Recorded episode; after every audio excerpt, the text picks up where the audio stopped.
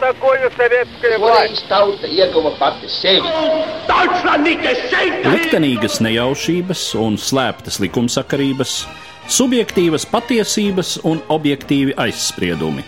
Pēc atkušņa nekad nenāk uzreiz pavasars, bet sākās Arī šodien cilvēki ir ļoti tūredzīgi. Viņi redz to naudu, kas ir. Televīzijā jau pamatā notiek cīņa par varu. Pagātne no šodienas skatu punkta un šodienas caur pagātnes prizmu. Raidījumā šīs dienas acīm. Latvijas radio eterā Eduards Liniņš. Labdien, cienījamie klausītāji! 1812. gada karš. Mana sarunbiedra studijā vēsturniece Anita Čerpinska. Labdien! Labdien! Runa ir par militāro konfliktu starp Napoleona vadīto, faktiski jāsaka, Eiropu no vienas un Krievijas impēriju no otras puses. Faktiski vienīgais lielais militārais konflikts 19. gadsimtā, kas tā būtiski skar Latvijas teritoriju.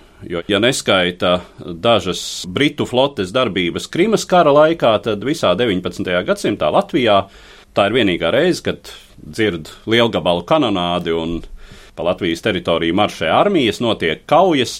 Vispirms runājot par šī konflikta rašanās cēloņiem un situāciju tā laika Eiropā.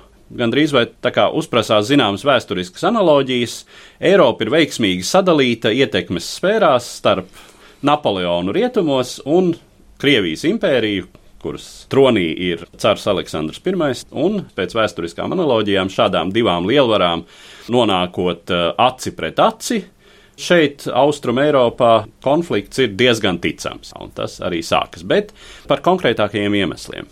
Kā jūs teicāt, tā dalīšana bija notikusi, bet tās abas puses īsti nebija apmierinātas. Varbūt pats Napoleons pēc Tilzītas miera uzreiz guva to apmierinājumu, jo viņš it kā formāli panāca to Krievijas pieslēgšanos kontinentālajai blokādai, kuru viņš ļoti vēlējās, un uh, it kā formālu mieru ar Aleksandru, bet Aleksandram, ja sākotnēji varbūt likās, ka tas miers būs arī Krievijai daudz cik maz pieņemams, tad ar laiku, ar gadiem izrādījās, ka tomēr vismaz valdošajai sabiedrības daļai mužniekiem un aristokrātijai tas īsti nepatīk un vairāk ir nepopulārs, un tomēr Aleksandram bija jārēķinās ar sabiedrības svarīgākās daļas nostāju, līdz ar to ar gadiem viņiem neizbēgami nācās mainīt tilzītas miera principus un tad jau vairs miers arī nebija iespējams. Tātad tilzītas miers, kas ir, ja jūs man atgādinātu, 1807. 7. 1807. gads, tajā brīdī Napoleonam paliek faktiski viens nozīmīgs pretinieks, un tā ir Lielbritānija, kuras flote kontrolē pasaules jūras, tādā mērā, ka faktiski franču flote īsti nevar pamest savas ostas, Briti bloķē Francijas jūras ceļus, savukārt Napoleons ievieš tā saucamo kontinentālo blokādi, cenšoties pārtraukt Lielbritānijas tirdzniecību ar kontinentālās Eiropas valstīm. Tā ir skaitā Krievija. Un tas, laikam, arī ir viens no galvenajiem iemesliem, ka Krievijai tomēr tirdzniecība ar Lielbritāniju ir visai svarīga. Jā, tieši tā, jo visas izēvielas, kur izved Krievija, lielākais noieta tirgus tomēr bija Lielbritānija. Lai gan, protams, pastāv viedoklis, ka tas nebija tik nozīmīgi un tas bija vienkārši tā kā iegansts, lai varētu atsākt karu. Nu, un kādi tad varētu būt tie citi iemesli? Idejiski varbūt. Jā, daļai sabiedrības noteikti vienkārši miers ar varas uzurpātoru, kurš nelikumīgi iegūst troni, nebija pieņemams un varbūt arī tādēļ tas miers ir vairāk emocionāli nospiedošs, nevis kaut kā neizdevīgs, jo neizdevīgs viņš bija daļai sabiedrības. Acīm redzot, tas svarīgākais ir tas šajā ideoloģiskajā ziņā, ja mēs runājam par Krievijas aristokrātiju, par valdošajām aprindām, ka tai nav pieņemams Napoleons kā lielā mērā Franču revolūcijas turpinājums. Jā, tieši tā. Un droši vien tas saistās arī ar zināmām bažām par to, ka līdz ar Napoleona ietekmes izplatīšanos visā Eiropā šeit izplatās zināmā mērā arī tas brīvestības gars, kas saistās ar Franču revolūciju. Kaut vai dzimtbūšanas jautājums Krievijā. Jā, dzimbušanas jautājums var būt, bet drīzāk tas ir vairāk mužnieku baiļu faktors un tādu spiegu izplatītu, varbūt pat viltus informācijas radīts mīts par to, ka Napoleons būtu kaut ko darījis ar zemniekiem, tad drīzāk tas faktors tāpat arī Krievijai var būt polijas atjaunošana, kas Krievijai arī bija īsti nepieņemama par cik Napoleonu poļi atbalsta ļoti aktīvi, tad Napoleonam ik pa laikam jādod kaut kas arī poļiem, un daļa no tā varbūt arī Krievijas teritorija, līdz ar to tas varbūt vairāk dzimbūšana, iespējams mazāk. Jā, tas ir būtisks faktors. Napoleons, kas ir zīmīgi, dēvē šo kampaņu Krievijā par Polijas karu. Jā, viņš tā to nosauca te atkal jāatceras, ka 18. gadsimts paiet trīs centrāla Eiropas lielvarām, Krievijai, Austrijai un Prūsijai savā starpā varētu lietot to apzīmējumu saplosot Poliju, sadalot šo kādreiz lielo valsti savā starpā, un uh, Napoleona kari ir tāds brīdis, kad Polija uz laiku atkal tiek atjaunota. Protams, daudz mazākās robežās, kāda tā bija 18. gadsimta sākumā, bet tomēr, tomēr nu, vismaz tā ir neatkarīga valsts vēl īsu brīdi, un, protams, Napoleona uzticamākais sabiedrotais šeit, Austrum Eiropā. Vēl varbūt var jautāt, cik nozīmīgs ir tas subjektīvais faktors. Napoleona personība, cara Aleksandra personība, viņu savstarpējās attiecības. Var, protams, arī minēt, ka Aleksandrs neieprecināja Napoleonu savā ģimenē. Viņš atteica šīs laulības ar viņa radinieci, un līdz ar to varbūt Napoleons nedaudz apvainojās. Bet Aleksandram ir skaidrs, ka tā būtu bijusi Krievijas impērijas vadībai nepieņemama laulība. Par cik tas tomēr nav īsti legāls valdnieks, ar ko būtu dinastiski principāli precēties pat divas reizes Napoleonam tiek atteikta šī iespēja aprecēt kādu no Romāno dinastijas atvasēm. Domājot par to, kāds ir militāro spēku samērs, Napoleonam 1812. gada jūnijā iebrūkot Krievijas impērijas rietumu apgabalos. Šobrīd tā ir Lietuvas teritorija, faktiski, kur lielā armija šķērso Nemunu un ieiet toreizējā Krievijas impērijā. Jā, sākotnēji pirmajā vilnī, ja tā var teikt, Krievijas teritorijā iegāja aptuveni 450 tūkstoši, bet lielā armija, kas ir Napoleona karaspēks tajā laikā, viņa tā tiek oficiāli saukta, viņa bija vēl lielāka. Tas varēja būt līdz pat 680 tūkstošiem karavīru. Lielā mērā var teikt, ka tā ir apvienota Eiropas armija, jo Napoleona komandētajā karaspēkā nav jau tikai Francijas karavīri. Jā, tur ir patiesībā gandrīz visa Eiropa, tur ir spāņi, tur ir pat šveicieši, kas karoja beig beigās netālu no Latvijas robežas. Tur ir arī bavāri, liels vācu kontingents, prūšu kontingents, austrieši, itāļi, ko vien var iedomāties no Eiropas. Vienīgais Krievijas sabiedrotais šajā karā bez Lielbritānijas izrādās Zviedrija. Jā, negaidīti, bet jā par spīti tam, ka Krievija pavisam nesen ir atņēmusi Zviedrijai Somiju, un Zviedrijas tronī pavisam nesen ir kāpis jauns monarhs, jaunas dinastijas aizsācējs, izbijis Napoleona armijas virsnieks, maršals Bernadots. Tomēr Zviedrija izrādās Krievijas sabiedrotais. Kas tam ir par iemeslu? Tīri ģeopolitiski arī Bernadote un lielākā daļa Zviedrijas aristokrātijas visdrīzākais saprata, ka atgūt atpakaļ Somiju no Krievijas nozīmētu atkal šo reģionu padarīt nedrošu. Viņi vairāk pagriezās uz otru pusi un atņēma Dāņiem Norvēģiju, kas bija vienkāršāk izdarāms tajā situācijā. Runājot jau konkrēti par Latvijas teritoriju. Viens liels Napoleona armijas kontingents virzās uz Daugaupili, un pats Napoleona armijas kreisais, tātad ziemeļu spārns, dodas Rīgas virzienā. Kas ir šo militāro spēku sastāvā? Desmitais korpus, kas iet tieši uz Rīgu, tajā ir divas divīzijas, viena pārsvarā prūšu sastāvs, vadībā ir arī nedaudz franču virsnieku, un otrā divīzijā ir poļi plus bavāri un vestfāļi. Tātad faktiski franču šajā kontingentā nav, vai tikpat kā nav, tie ir poļi un vācieši, kas virzās uz Rīgu. Jā, par Prūsijas lomu vispār šajā Napoleona Krievijas konfliktā un Prūsijas nostāju. Kāda ir Prūsijas pozīcija, vai Napoleons tai ir ko solījis un kā vispār piedabūjis savu neseno pretinieci citos militāros Eiropas konfliktos? Prūsija tagad iestāties karā Napoleona pusē. Ar to pašu militāro principu, kā viņš bija citus pakļāvis sev. Viņš bija vienkārši sakāvis viņu armiju, un to brīdi Prūsija nebija spējīga pretoties Napoleonam, līdz ar to viņai nācās sadarboties tomēr ar viņu. Un uh, neteiksim, ka visi Prūsijā atbalstīja. Bija arī Prūsijā ļoti spēcīgs virsnieku vidū virziens, kas bija ļoti totāli noskaņots pret, un uh, pat daļa augstāko virsnieku pārgāja karot Krievu pusē ar domu, ka viņi tādā veidā aizstāv Prūsijas intereses un pat viens no šiem virsniekiem arī pie Rīgas krita vienā no kaujām. Bet citi atkal uzskatīja, ka viņiem jāpaliek uzticamiem karalim un jāpakļaujas šobrīd tam principam, ka karos pret Krieviju. Lai gan Krievija ir Prūsijas to brīdi kā loģisks sabiedrotais. Te varbūt arī drusku jāieskicē tā laika kāru lielā mērā atšķirība no vēlākajiem militārajiem konfliktiem 20. gadsimtā tie tomēr nav tādā nozīmē totāli kari, ka tajos tiek iesaistīta visa sabiedrība, ka tie skar visu valsti. Tobrīd vēl tā vienkārši sakot, kara darbība netiek vērsta piemēram pret civiliedzīvotājiem kā tādiem. Atšķirībā no 20. gadsimta konfliktiem, kur bieži vien militāru uzbrukumu mērķis ir civili objekti, mierīgie iedzīvotāji. Tobrīd armijas karo savā starpā. Protams, tajos rajonos, kur notiek tieši kara darbība, tas skar arī civiliedzīvotājus.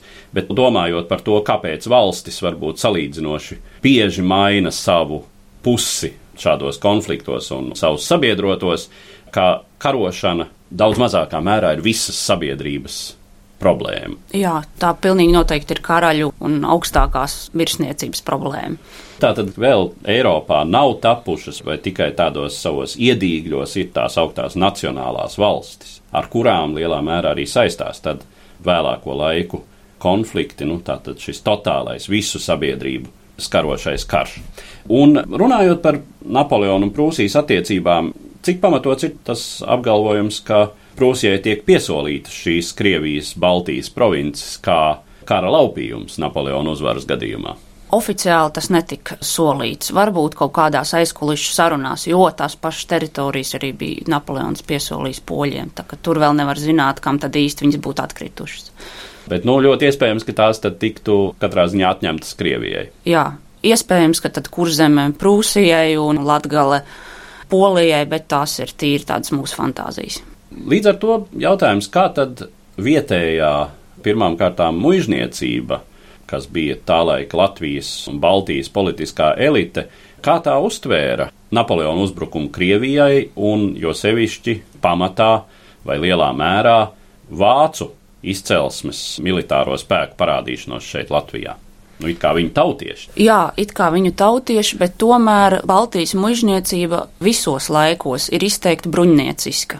Bruņniecības tradīcijās audzināta. Līdz to viņa pakļaujas senioram, un tobrīd Krievijas cars ir viņu seniors, un viņš nav neko izdarījis, lai mužniecību sakaitinātu. Līdz ar to, lai kā operētu ar to, cik lojāli vai nelojāli bija Baltijas mužniecība Krievijai, bet viņi pilda to savu vasaļu funkciju. Viņu dēli diena Krievijas armijā, ja viņi nav armijā, viņi vai nu pārvalda muižas, vai arī viņi ir civilajā dienestā. Un atšķirībā no Lietuvas teritorijas, kur sadarbība ar Napoleonu bija, to nevarēja noliegt pēc tam, kad jau Napoleons tika sakauts un turpat tika ierosināts krimināllietas. Tagad Krievu vēsturnieki nosliec teikt, ka Baltijas mužniecība vietējā bija vairāk inerta un gaidīja, kas notiks, nevis pieslējās vienai vai otrai pusē. Jā, bet nu, atkal jau jāsaka, šeit šis etniskās piedarības faktors tobrīd vēl ir ļoti maznozīmīgs, ja tāds vispār ir. Bet būtiskais ir tātad šis valstiskās piedarības faktors, lojalitāte savam suverenam, nu, šajā gadījumā Krievijas caram. Jā. Runājot par zemniekiem, par uh, latviešiem, arī igauniem, vai viņiem vispār ir kāda attieksme, un cik viņu attieksme vispār ir fiksēta vēstures avotos. Tur jau tā lieta, ka fiksēta viņa būs diezgan slikti, un viņa būs fiksēta mužnieku interpretācijā. Pirms kara, protams, pastāv bažas, un tas jautājums varas orgānos figurē, kā tad būs, vai būs sacelšanās, vai nebūs, ko darīs zemnieki, kad būs iebrukums. Tas jautājums tā arī netiek īsti droši atrisināts, jo mužnieki, protams, pēc kauguru nemieriem pieļauj iespējamību, ka zemnieki kaut ko darīs. Bet eh, jau spriežot no tā, kas notika, tad relatīvi šeit bija mierīga un tā arī sadarbība ar frančiem, piemēram, norādot, kur ir Krievu posteņi, tomēr bija ļoti minimāla salīdzinot ar to pašu Lietuvu. Un to arī atzīmēja paši franči. Par Lietuvu tas ir skaidrs. Lietuva šajā gadījumā solidarizējas ar Poliju. Lietuvā ir ļoti svaigā atmiņā savas neatkarības zaudēšana Krievijai. Ķeroties pie konkrētajām norisēm, kas tad notiek Latvijas teritorijā attiecīgi 1812. gada vasarā. Jūnijā Krievi, tāpat kā visā citā teritorijā, viņiem ir tieši tie paši principi. Viņi neiesaistās lielās sadursmēs, viņi lēnām atkāpjas, izlūkojot, ko dara pretinieks, kāds viņš ir un gaidot, kas notiks tālāk. Pirmās sadursmes ir pie Bauskas, un tad ir jau 7. jūlijas pēc vecā stila, tā jau ir iecavs kauja, kurā Krievi zaudē un atkāpjas uz Rīgu. Un tas tad ir arī beigas tam, ka mēģina aizstāvēt kurzemi, jo ar to karaspēku, kas bija Krievu rīcībā Latvijas teritorijā, aizstāvēt kurzemi praktiski nebija iespējams. Viņiem nācās atkāpties uz Rīgu, kas jau ir cietoksnis, un rēķināties ar to, ka pretinieks Rīgu apiet nekādā gadījumā nevarēs, jo pārāk liels spēks aizmukurē. Un tāpat arī ir ar Daugaupilu. Runājot par kurzemi, cik šī, ja mēs to tā varam dēvēt, okupācijas vāra, cik tā ir uh, aptveroša, tātad Napoleona sabiedroto kontingenti tiešām ieņem visu kurzemi, kur tie izvietojas un kāds ir tas kontrolas līmenis pār šo teritoriju. Tīri militārā ziņā viņi atrodas pie jūras, tas ir ostas, Liepāja un Ventspils. Tad ir skrundā neliels postenis, un tad ir ap Rīgu tā saucamais bloķēšanas korpus. Tā lielākā daļa Prūsijas spēku tā ir sloka, olaine, ķekava. Un tālāk jau gar Daugavu, tad viņi arī ir nozīmīgākajās pilsētās. Jaunjēlgava, Jēkabpils, Daugaupils. Bet otrā krastā Daugavs viņi praktiski nav. Vietējā līmenī, jau civilā ziņā, kas ievāc kontribūcijas un kas atbild par klaušu veikšanu, tas jau ir vietējās pārvaldes, par cik franči balstījās uz vietējām pārvaldes orgāniem. Notikumi pie iecavas, citas starpā man šovasar arī gadījās būt uh, iecavā pilsētas svētkos, kur notika tāda vietējā mērogam visai iespaidīga šīs kaujas rekonstrukcija ar vismaz vienu pilna izmēra lielgabalu kurš arī šāva, bija dūmi un troksnis. Nu, un tā tad pāris simti attiecīgā laika uniformās ģērbtu vēstures entuziastu, kuri vienā sporta laukumā, tā sacīt, veica kustības šurpu turpu ar piespraustiem durkļiem un šaudami, protams, bez lodēm, bet ar pulveri visnotaļ tā tad iespaidīgi. Nozīmīgākais notikums, kuru atceras Latvijā Napoleona kara sakarā, ir šī Rīgas priekšpilsētu nodedzināšana, par kuru joprojām ir dzirdētas versijas. Vai to vajadzēja darīt, vai tur nebija kādas kļūdas, ir zināmā leģenda par to, ka par tuvojošos franču kavalēriju tiek noturēts aitu ganāmpulks un tam līdzīgi. Jā, tā leģenda, starp citu, balstās uz patiesiem faktiem, bet viņa notika kādu nedēļu vai pat divas pirms dedzināšanas. Bet tā bija, ka viens no krievu virsniekiem noturēja par pretinieku un sacēla milzīgu brēku, un arī pilsētā, par cik visi uztraucās, tad tas furors bija liels, tīri tādā sabiedriskā līmenī, nevis militārajā, un to nabaga virsnieku arī uz neilgu laiku pazemināja amatā, ja tā var teikt, viņam atņēma vienu pakāpi bet kara beigās jau viņam piešķīra atpakaļ. Viņš noturēja par pretinieku ganāmpulku, ko dzina vietējie kazaki. Tas arī bija viss tās lielās brēkas mazā sakne. Bet nodedzināšana jebkurā gadījumā būtu notikusi. Tā kā to daļu, kas bija paredzēts nodedzināt, viņi būtu nodedzinājuši vai ātrāk, kā pēc nolikuma, ja spriest pēc visiem likumdošanas aktiem, viņi bija jānodedzina ātrāk jau nekā tas tika izdarīts. Tad, kad viņi nodedzināja, Tad ir nodedzinātā daļa plus ugunsgrēks, kas ir jau cita opera, nedaudz izgāja viņiem no kontrols tas viss un nodeg viens kvartāls vairāk nekā vajadzēja. Un, ja nebūtu nodedzinājuši 11. jūlijā, viņi būtu nodedzinājuši vēlāk, tad, kad uh, Krievi tika sakauti gandrīz visā teritorijā septembrī, kad viņi mēģināja atņemt prūšiem aplenkumu artilēriju, kas bija ieradusies, lai aplenktu Rīgu, tad viņi tāpat būtu viņu nodedzinājuši. Cik nopietni ir tie mēģinājumi pilsētu ieņemt? Rīgu pat nemēģināja. Mēģināja Daugaupili pirmajā reizē nesekmīgi, par cik tur tomēr vēl bija Krievu karaspēks, kas noturēja Daugaupili, bet pēc tam no Daugavpils Krievi pašai aizgāja, jo saprata, ka nevarēs viņu noturēt.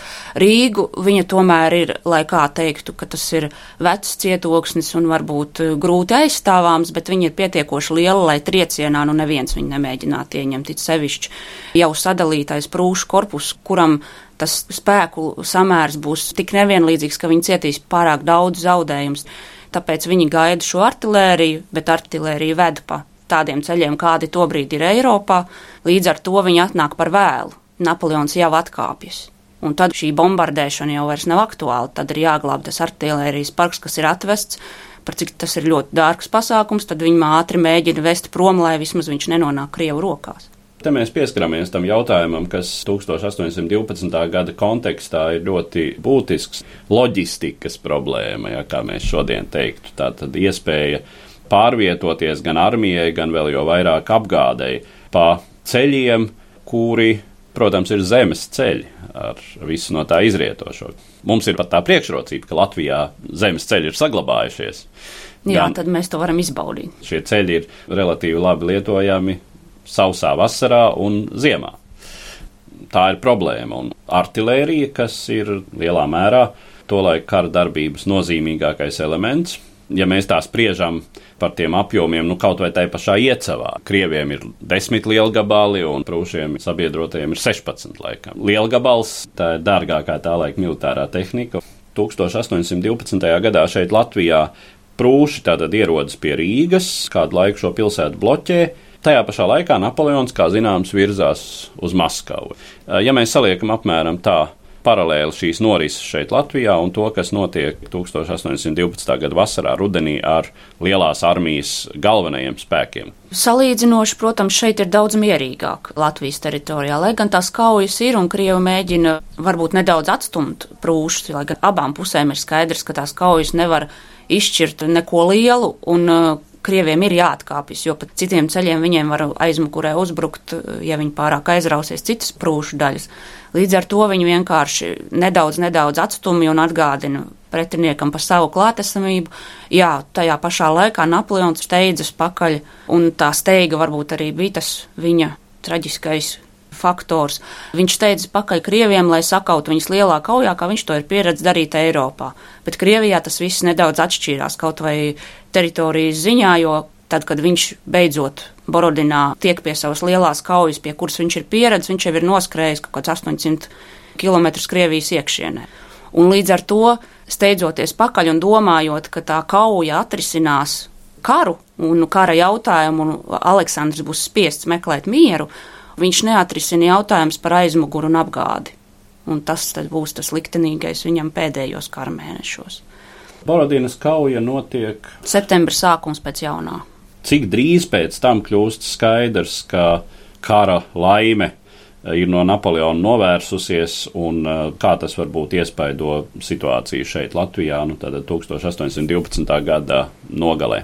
Jā, tā situācija Latvijas teritorijā stipri atšķirsies no tās, kas notiks, teiksim, tajā galvenajā virzienā, tāpēc, ka Napoleons pēc tam, kad viņš ieiet Maskavā, viņš gaida to pagrieziena punktu, ka viņam kāds piedāvās, vai arī viņš mēģina vismaz piedāvāt mieru Aleksandram. Uh, un tāpēc viņš veselu mēnesi ir mierīgs. Tas sadursmes kaujas laukā ir nelielas, jo viņš tiešām cer, nu jā, viņiem vēl ir ugunsgrēks jādzēž Maskavas, tāpēc viņiem vienu brīdi arī par kaušanos nav laika domāt.